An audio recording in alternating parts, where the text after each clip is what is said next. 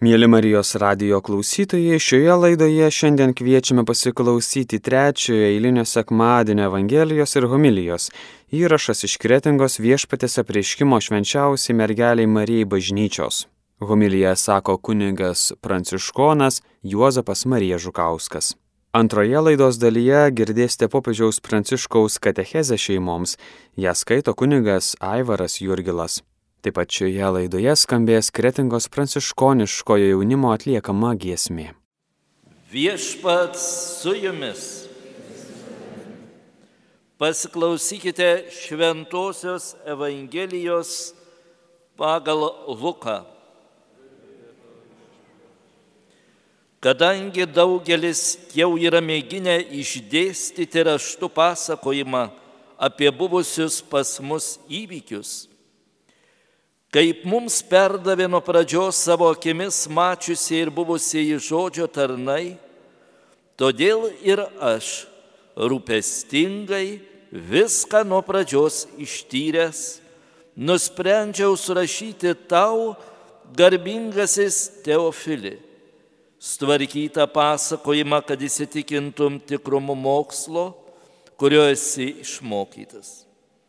Anu metu Jėzus dvasios galybėje sugrįžo į Galilėją ir visame krašte pasklido apie jį garsas. Jis pradėjo mokyti jų sinagogose visų gerbiamas. Jėzus parėjo į Nazaretą, kur buvo užaugęs. Šabo dieną, kaip pratęs, nuėjo į sinagogą ir atsistojo skaityti. Jam padavė pranašo Izaijo knygą. Atviniojęs knygą, jis rado, rado vietą, kur parašyta. Viešpaties dvasia ant manęs. Nes jis patepė mane, kad neščiau gerąją naujieną vargadienėms. Pasiuntė skelbti belaisviams išvadavimo metų, akliesiems rėdėjimo, siuntė vaduoti prislėgtųjų ir skelbti viešpaties malonės metų.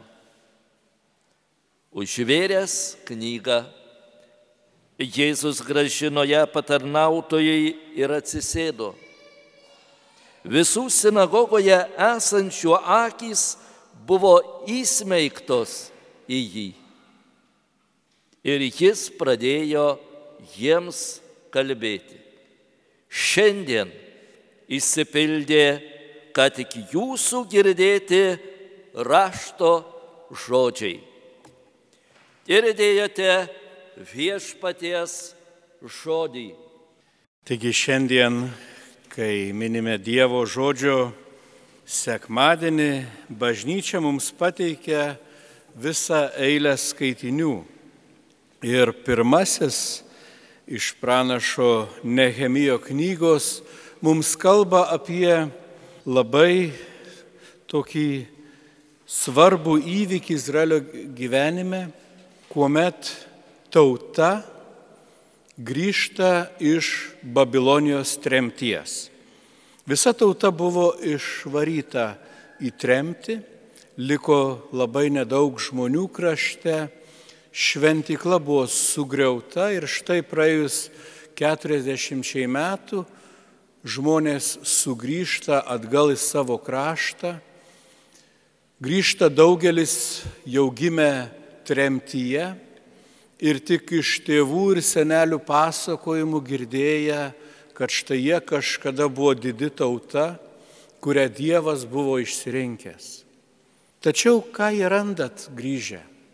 Kad ne tik Dievo namai sugriauti, bet ir visi šventraščio rytiniai sunaikinti. Tauta pastebi, kad nebeturi užrašyto Dievo žodžio. Ir aišku, kartu su prarandama atmintimi, prarandama ir tapatybė. Ir žmonės buvo prislėgti liūdėsio, nes jie jautė, kad iš jų atimta labai didelė jų savasties dalis. Tačiau nežiūrint to liūdėsio kunigas Esdras sako vis tiek turime atstatyti Dievo namus, turime atstatyti šventovę, kad turėtume vietą, kur susirinkti, melstis ir šauktis Dievo gailestingumo. Ir štai betvarkant šventyklos griuvėsius buvo atrastas šventraščio rytinys. Ir čia skaitėme būtent apie tą atsitikimą pasklinda džiaugsmas ir gera žinia po visą tautą. Atradom paskutinę išlikusią šventraščio knygą. Ir štai visa tauta susirenka, sakoma, pastatomas specialus palipimas medinis, ant jo užlipa pakilata Esdras, atsivinioja rytinį ir visa tauta su nekantrumu laukia, kągi Dievas jiems turi pasakyti per tą Dievo žodį ir sako, parpuolė ant žemės visų pirma pagarbina Dievą ir atidžiai klausosi. Ir štai Esdras jiems skaito nuo pat pradžios, kaip Dievas sukūrė dangų ir žemę, kaip toje žemėje patalpino žmogų, kaip apdovanoja jį visais savo palaiminimais, kaip žmogus per savo puikybę ir velnio apgaulę praranda draugystę su Dievu. Kaip žmogus vis labiau ir labiau ritasi žemyn per išdavystės, žmogžudystės, neištikimybės.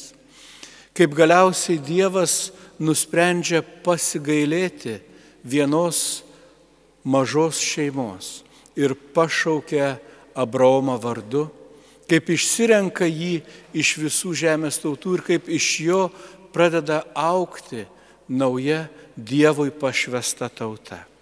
Ir štai ta tauta, nežiūrint visų persiekimų ir sunkumų, yra Dievo mylima ir išsirinkta. Ir visa tauta džiūgauja ir sako, viešpats mūsų neužmiršo, jis mus prisiminė, neužmirškime ir mes, skaitykime tuos Dievo žodžius, saugokime juos savo širdyje ir sekime jais. Ir nuo to meto ne tik šventykloje buvo skelbiamas Dievo žodis, bet atsirado ir taip vadinamos sinagogos. Vietos, kuriuose bendruomenė susirinkdavo kartu skaityti Dievo žodį. Ir labai įdomu, kad tose sinagogose kunigų nebuvo.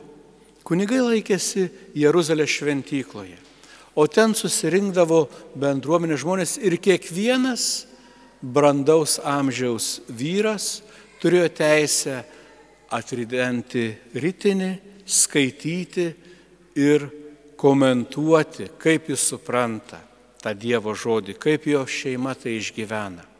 Aš pagalau būtų labai įdomi patirtis ir mūsų kretingoje, kad pavyzdžiui visi vyrai, kiek yra visų šeimų galvos, išsidalintų visas dienas per metus, gal mūsų čia nemažai, gal išeitų tik tais kartą, kas tris metus vienai šeimai ne tik skaityti Dievo žodį, bet ir pasidalinti. Ką tas Dievo žodis jiems sako? Iš ties tuomet jisai galbūt taptų toksai labai įdomus. Ir jums būtų daug įdomiau negu mūsų čia klausytis tų pačių kunigų, vis išgirsti, ką naujo turi pasakyti kiekvienos šeimos atstovas. Nes Izraelija po šiai dienai berniukai sulaukia 12-13 metų turi pareigą viešai perskaityti šventraščio eilutes ir bent keletą žodžių patys pasakyti, ką apie tai galvoja. Galbūt ir vertėtų ir pas mus, pavyzdžiui, per sutvirtinimą, kad kiekvienas iš sutvirtinamųjų kažką pasakytų. Tai štai, tokia situacija ir mes dabar grįžkime prie Evangelijos, kur aprašoma, kaip Jėzus ateina į savo miestelio sinagogą ir sako, kaip pratęs irgi atsistoja skaityti ir aiškinti. Ir šiandienos Evangelijoje iš ties pradedama Luko prisistatymu. Labai įdomu, kad evangelistas Lukas iš pat pradžių pristato save kaip tą, kuris sako, aš pats Jėzaus tai nemačiau. Bet labai atidžiai surinkau visas istorijas iš tų, kas jį matė ir girdėjo. Ir štai tau kreipiasi Teofiliau, tai reiškia Dievo mylėtojau, nusprendžiau pateikti sutvarkytą pasakojimą, kad įsitikintum tikrumu to mokslo, kurį esi išmokęs. Ir visa Luko Evangelijos esmė yra nepapasakoti Jėzaus biografiją, bet persakyti, kodėl Jėzus yra atėjęs. Ir šiais metais, būtent šiais metais mes skaitysime Luko Evangeliją. Ir atkreipkite dėmesį, kad Luko Evangelija yra labai tokia kryptinga. Šiandien štai pradėsime nuo Nazareto ir po truputį judėsime link Jeruzalės.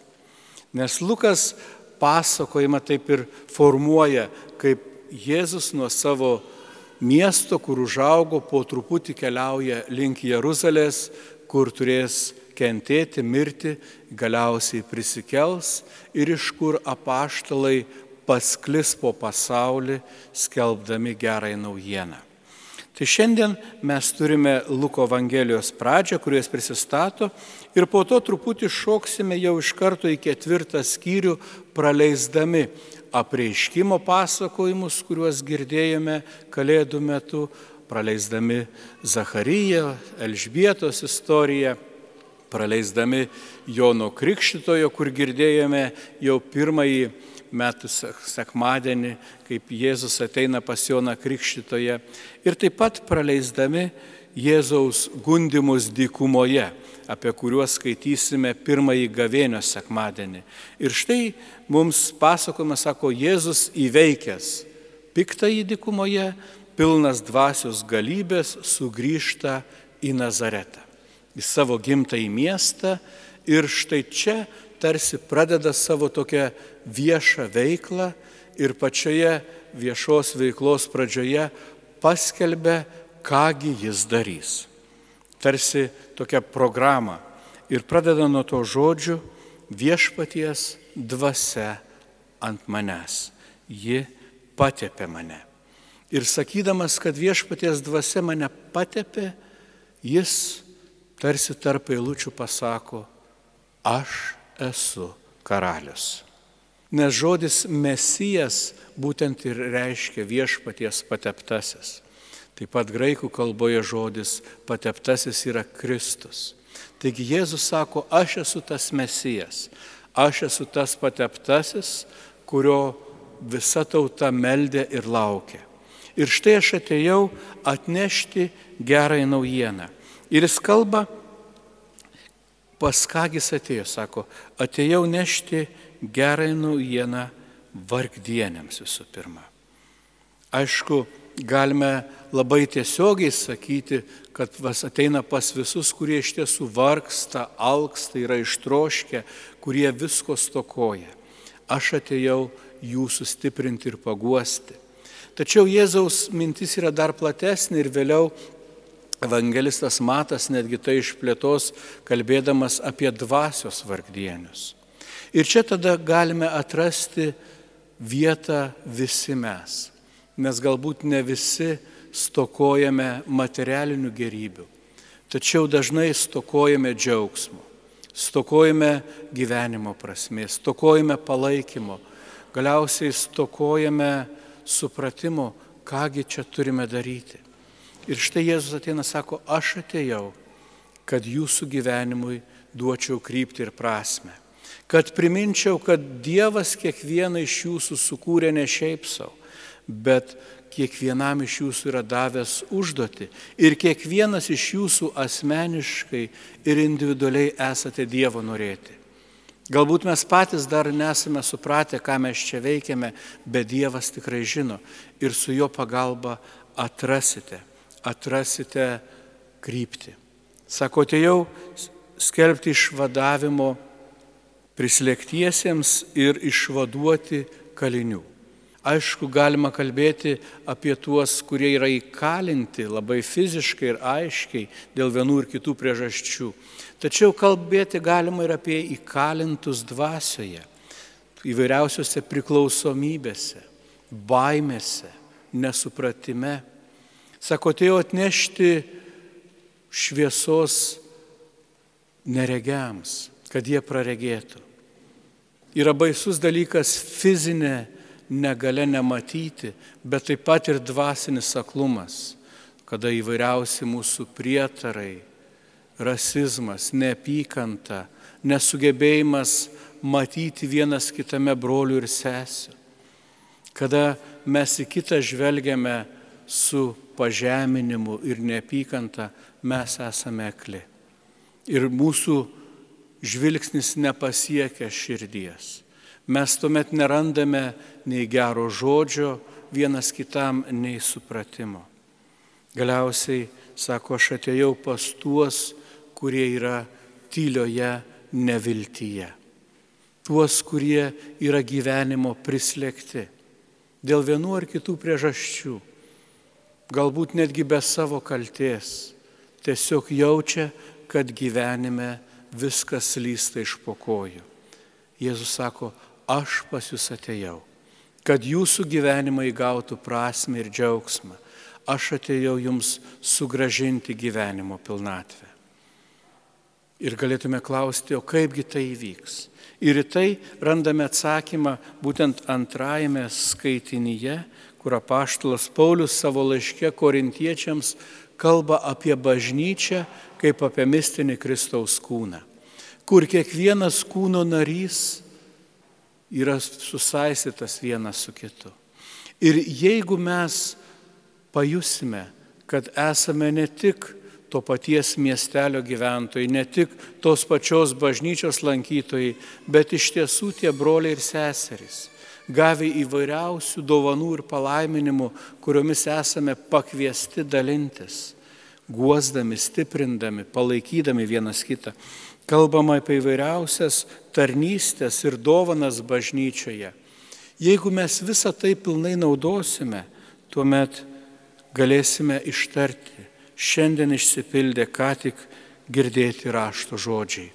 Ir jūs kiekvieną kartą, kada patliksite gerą darbą, galėsite sakyti viešpatie, ačiū tau už tą dovaną, kurią galėjau pasidalinti su kitais. Tuomet į gyvenimus sugrįž džiaugsmas, sugrįž prasmė ir sugrįž viltis, nes mes pamatysime, kad esame kažkam reikalingi, kad galime kažkam padėti, o tie, kurie patirs mūsų gerą darybės, mūsų paprastą patarnavimą, irgi nesijaus apleisti ir palikti. Nes kiekvieno iš mūsų viešpats paklaus, kurgi tavo brolis, kurgi tavo sesuo. Žiūrėkime, kad netektų atsakyti kaip kainui, kuris nužudė savo brolį Abelį, sakydamas, argi aš esu savo brolio sargas. Taip esi, nes viešpats tave išsirinko, viešpats tau dovanoja amžinai gyvenimą, prašydamas tiek nedaug, kad mylėtum Dievą ir kad saugotum savo brolį ir seserį.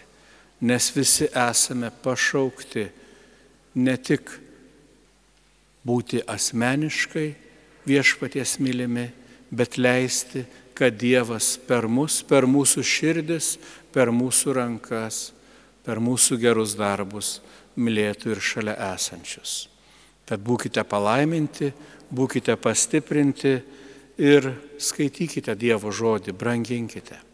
Esame palaiminti, kad nereikia, kaip tuomet izraelitams, džiugauti, kad išliko viena knyga, kurią galime skaityti. Dabar tikrai nesunkiai galime įsigyti šventąjį raštą, nesunkiai jį atsiversti ir nors keletą eilučių perskaičius prisiminti. Dievas mus myli. Dievas atėjo į šį pasaulį, kad mes turėtume gyvenimą kad apščiai jo turėtume.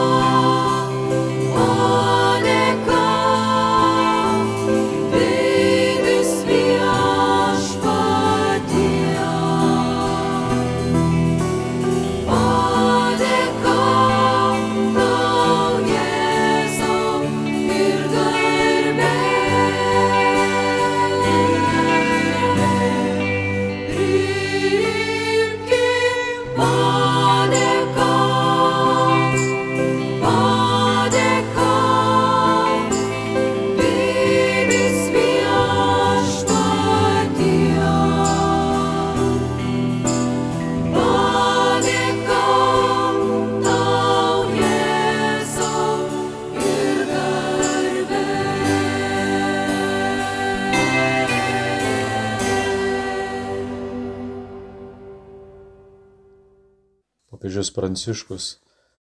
Senatvės problema. Šiandien ir kitą trečiadienį katechezės skiriamos vyresnio amžiaus žmonėms, kurie šeimoje yra seneliai, dėdės ar tetos. Šiandien apsvarstysime dabartinę probleminę senų žmonių situaciją, o kitą kartą, artimiausią trečiadienį, pažvelgsime pozityviau į pašaukimą susijusi su šiuo gyvenimo laikotarpiu.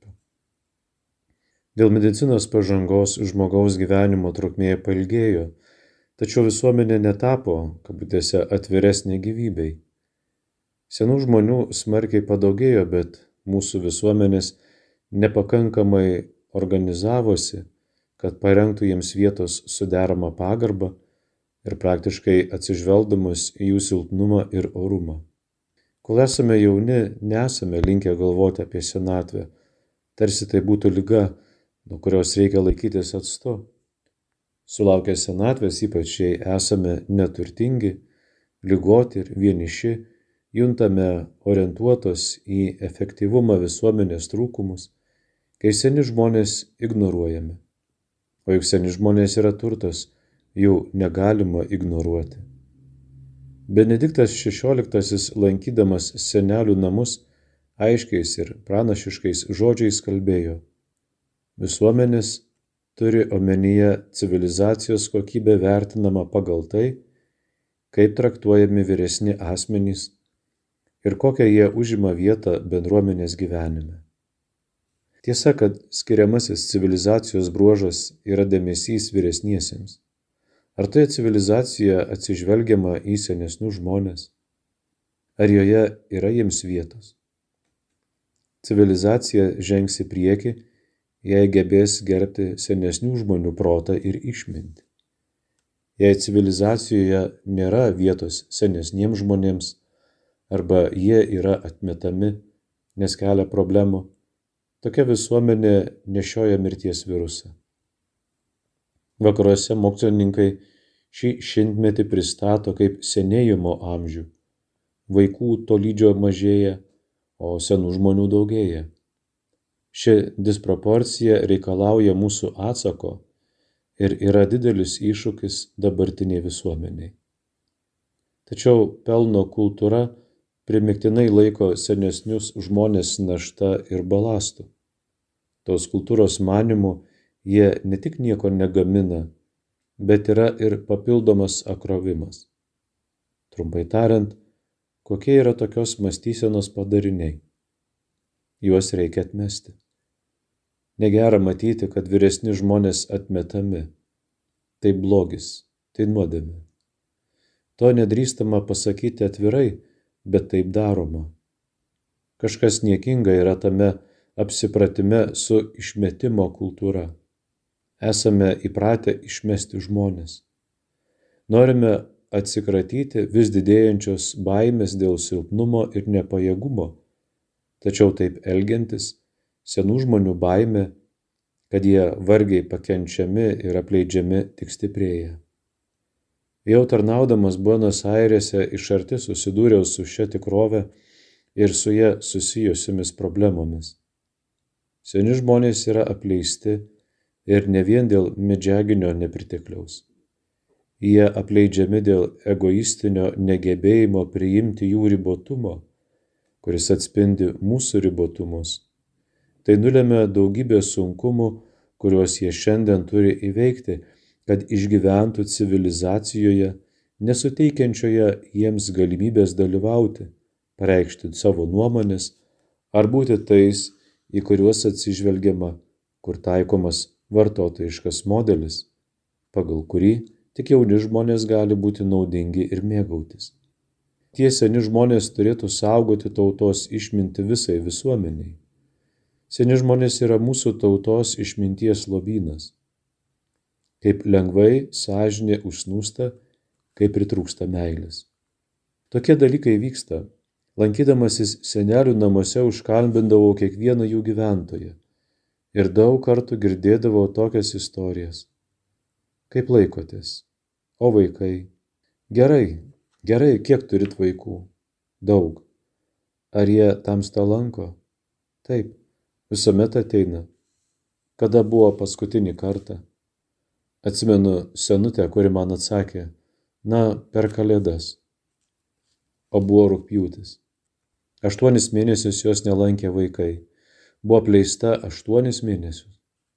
Tai vadinama mirtina nuodėme, suprantat? Kai buvau vaikas, mačiutė mums pasakojo istoriją apie senelį, kuris valgydamas apsilaistydavo net nepataikydavo į burną šaukšto su sriuba. Tuomet jo sunus, tos šeimos tėvas, nusprendė jį nušalinti nuo bendro stalo ir pastatė jam staliuką virtuvėje, kad ten valgytų vienas ir niekas jo nematytų. Taip išvengdavo blogio įspūdžio, kai ateidavo pietauti ar vakarieniauti jo draugai. Po kelių dienų grįžęs namo jis pamatė, kad jauniausias jo sūnus žaidžia su medžiu, plaktuku ir vinimis ir kažką meistrauja. Jis paklausė, ką ten meistrauji? Stalą tėti. O kam tas stalas? Kad turėtum kur valgyti, kai pasensi. Vaikai sažingesni už mus. Bažnyčios tradicijoje esantis išminties lobynas visuomet stiprino artumą seniems žmonėms kultūrą nuostata meilingai ir solidariai lydėti juos jų gyvenimo saulėlydyje. Ši tradicija įtvirtinta šventajame rašte. Jie liudyja, pavyzdžiui, Siracido knygos žodžiai. Net mesk to, ką seniūnai sako, nes jie buvo savo tėvų mokomi, iš jų išmoksi, kaip galvoti ir kaip prireiks mokėsi atsakyti. Siracidos knygos 8 skyrius 9 eilutė. Bažnyčia negali ir nenori taikstytis su nekantrumo mentalitetu, tuo labiau abejingumu ar panieka senatvėj. Turime žadinti sutelktinį dėkingumo, pripažinimo, svetingumo suvokimą, kad senas žmogus jaustųsi esas gaiva bendruomenės dalis. Senoliai, vyras ir moteris tėvai ir motinos, kurie prieš mus ėjo mūsų keliu, gyveno mūsų namuose, dalyvavo kasdienėje kovoje dėl gyvenimo orumo. Tai vyrai ir moteris, iš kurių daug gavome. Senas žmogus nėra kažkas svetimo, tai mes patys. Juk netrukus arba tolimesnėje ateityje, tačiau bet kuriuo atveju neišvengiamai pasensime visi, net jei apie tai negalvojame. Jei neišmoksime tinkamai elgtis su senais žmonėmis, panašiai bus elgiamasi ir su mumis. Visi senesni žmonės esame šiek tiek trapus. Tačiau kai kurie yra ypač silpni, daugelis vieniši, paliesti lygos. Kai kurie yra priklausomi nuo būtinos terapijos ar kitų globos. Ar dėl to nuo jų atsitrauksime? Paliksime juos likimo valiai. Visuomenė, kurioje nelieka artumo, kur išnyksta nesuinteresuotumas ir meilė nelaukiant atlygio, taip pat svetimųjų atžvilgių yra iškrypusi visuomenė. Bažnyčia, būdama ištikima Dievo žodžiui, negali toleruoti tokio išsigimimo. Krikščionių bendruomenė, kurioje artumas ir nesuinteresuotumas nebūtų laikomi būtini, draugė su jais prarastų savo sielą. Ten, kur trūksta pagarbos seniems žmonėms, neturi ateities ir jaunimas. Mėly Marijos radijo klausytojai, ką tik girdėjome popiežiaus Pranciškaus katechezę šeimoms. Ją skaitė kuningas Aivaras Jurgilas. Taip pat pirmoje laidos dalyje klausėmės trečiojo eilinio sekmadienio Evangelijos ir homilijos. Įrašas iš kretingos viešpatės apreiškimo švenčiausiai mergeliai Marijai bažnyčios. Taip pat laidoje skambėjo ir kretingos pranciškoniškojo jaunimo atliekama giesmė. Likite su Marijos radiju.